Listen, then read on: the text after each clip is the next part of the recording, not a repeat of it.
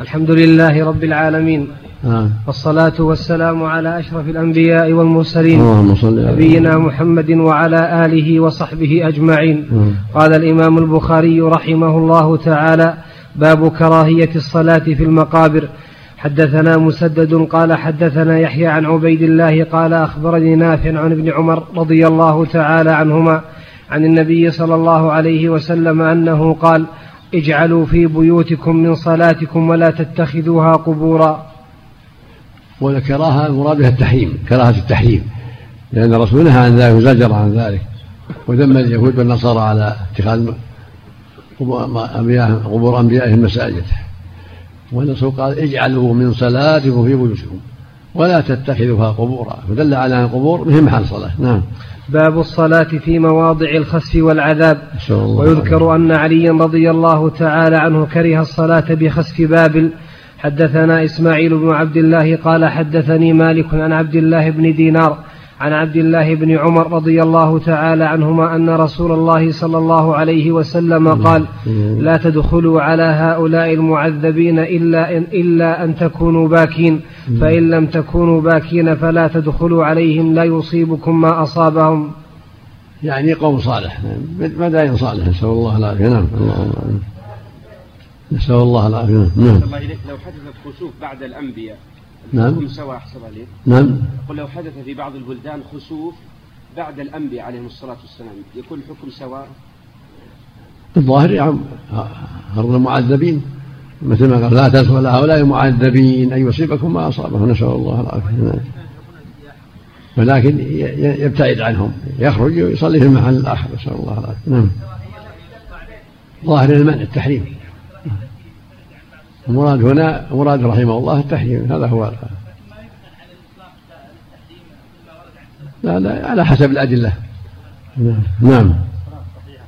نعم. ظاهر النهي التحريم عدم الصحة نعم. باب الصلاة.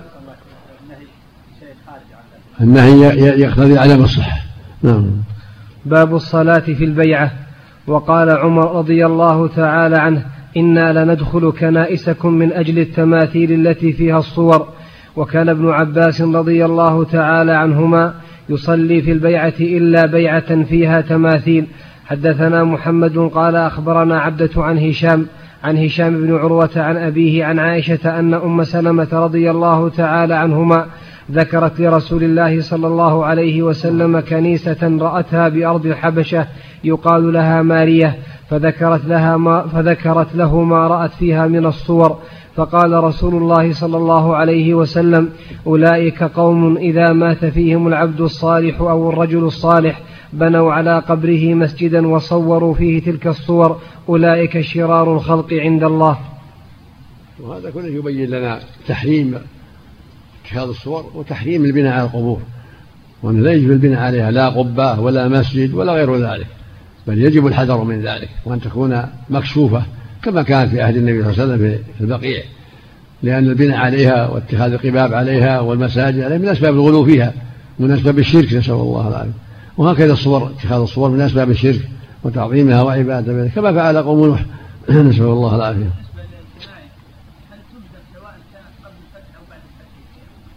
نعم.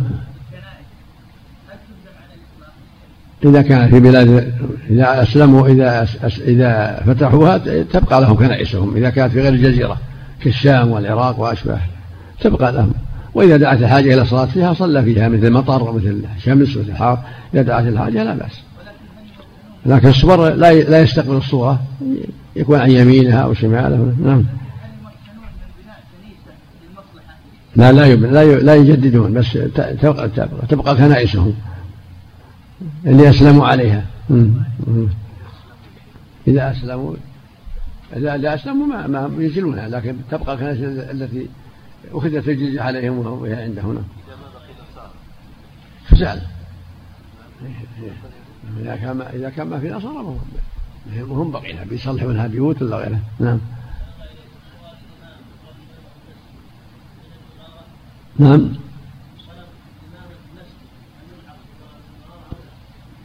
الله أعلم. نعم.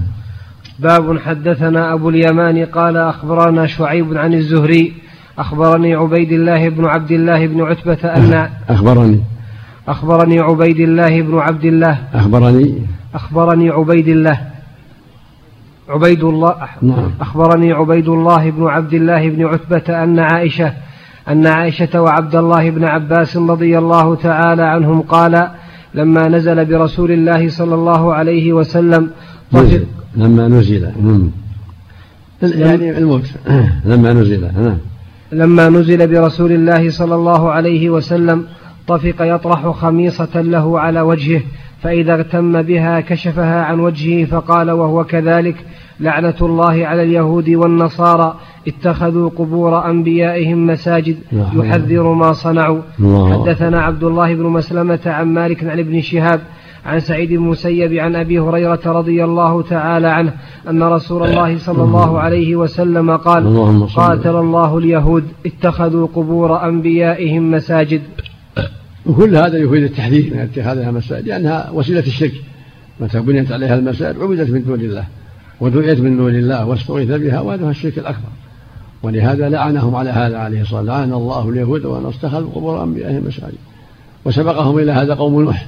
نعم صلى الله عليه نعم. باب قول النبي صلى الله عليه وسلم جعلت لي الأرض مسجدا وطهورا.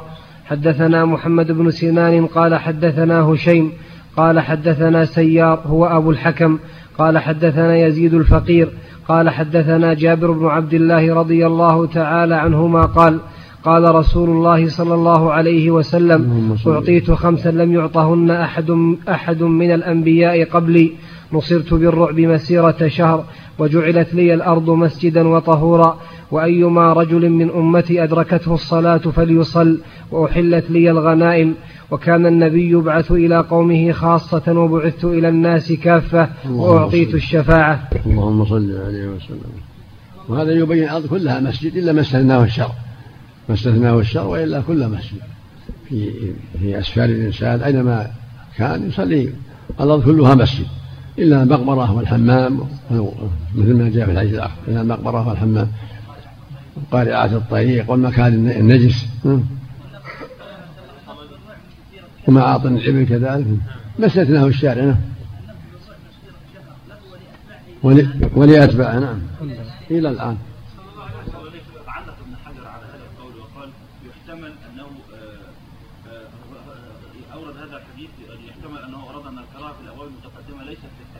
إيش؟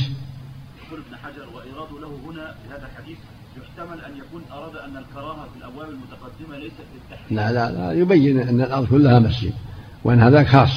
ما ما ما, ما ينافي ذلك. بين الخاص وأن هذه يمنع منها وهذا مباح.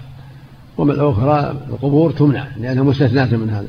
ولا هذا من حديث أبي سعيد إلا المقبرة والحمام. نعم. نعم. لا في حديث ضعيف لكن البعد عنها أحسن. البعد عن قاعدة الطريق حتى لا يضر قد تأتي سيارة قد تأتي دابة قد تأتي أشياء. نعم. نعم. الله أعلم. نعم. باب نوم المرأة في المسجد. نعم. حدثنا عبيد بن إسماعيل قال حدثنا أبو أسامة عن هشام عن أبيه عن عائشة رضي الله تعالى عنها أن وليدة كانت سوداء لحي من العرب فأعتقوها فكانت معهم. قالت فخرجت صبية لهم عليها وشاح أحمر من سيور. قالت فوضعته أو, أو وقع منها فمرت بها حديات وهو ملقى فحسبته لحما فخطفته قال فالتمسوه فلم يجدوه. قالت فاتهموني به. قالت فطفقوا يفتشون حتى فتشوا قبلها. قالت والله إني لقائمة معهم. إذ مرت الحديات فألقته قالت فوقع بينهم قالت فقلت هذا الذي اتهمتموني به زعمتم وأنا منه بريئة وهو ذاه قالت فجاءت إلى رسول الله صلى الله عليه وسلم فأسلمت. قالت عائشة رضي الله تعالى عنها فكان لها خباء في المسجد أو حفش. قالت فكانت تأتيني فت فتحدث عندي. قالت فلا تجلس عندي مجلسا إلا قالت ويوم الوشاح من تعاجيب ربنا ألا إنه من بلدة الكفر أنجاني؟ قالت عائشة رضي الله تعالى عنها فقلت لها ما شأنك لا تقعدين معي مقعدا إلا قلت هذا. قالت فحدثتني بهذا الحديث. وفيه الدلالة جواز سكن المرأة في المسجد إذا دعت الحاجة إلى ذلك واعتكافها كذلك. وقد اعتكف أزواج النبي في المسجد عليه الصلاة والسلام. لا بأس بذلك. إذا دعت الحاجة إلى أن تكون في المسجد في خباء أو في حجرة حتى يتيسر لها مكان آخر. نعم. إذا دعت الحاجة لا بأس. نعم. باب نوم الرجال في المسجد. باب. باب نوم الرجال في المسجد. بركة سم الله عليه لا بالعقد يحرم بالعقد أما البنت نعم. وأمهات نسائكم بالعقد وأما البنت لا بالدخول بالوطي. بأمها الربيبة ما تكون ربيبة إلا إذا وطئ أمها دخل بها. نعم.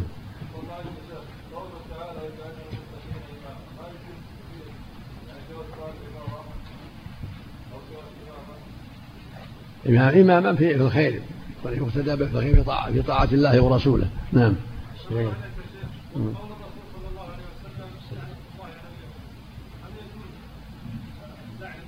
نعم. لعنهم لعن الله اليهود ولعن الله النصارى ولعن الله الكافرين مثل ما لعنهم النبي صلى الله عليه وسلم.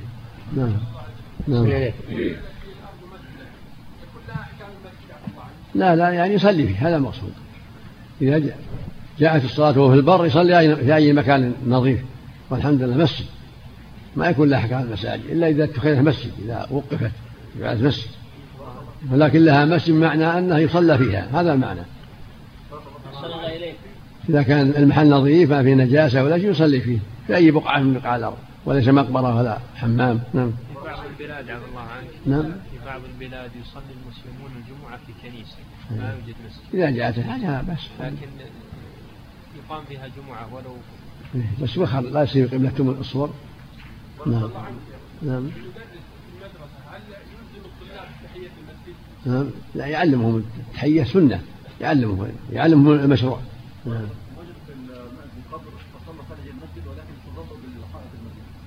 إيش؟ وجدوا في المسجد. قبر يصلوا خارج المسجد ولكن يستخدموا الظل. ما يضر ما يضر. ما دام خارج المسجد لا يضر. نعم. صحيح. نعم. ها؟ إيش؟ الله أعلم. نعم. نعم.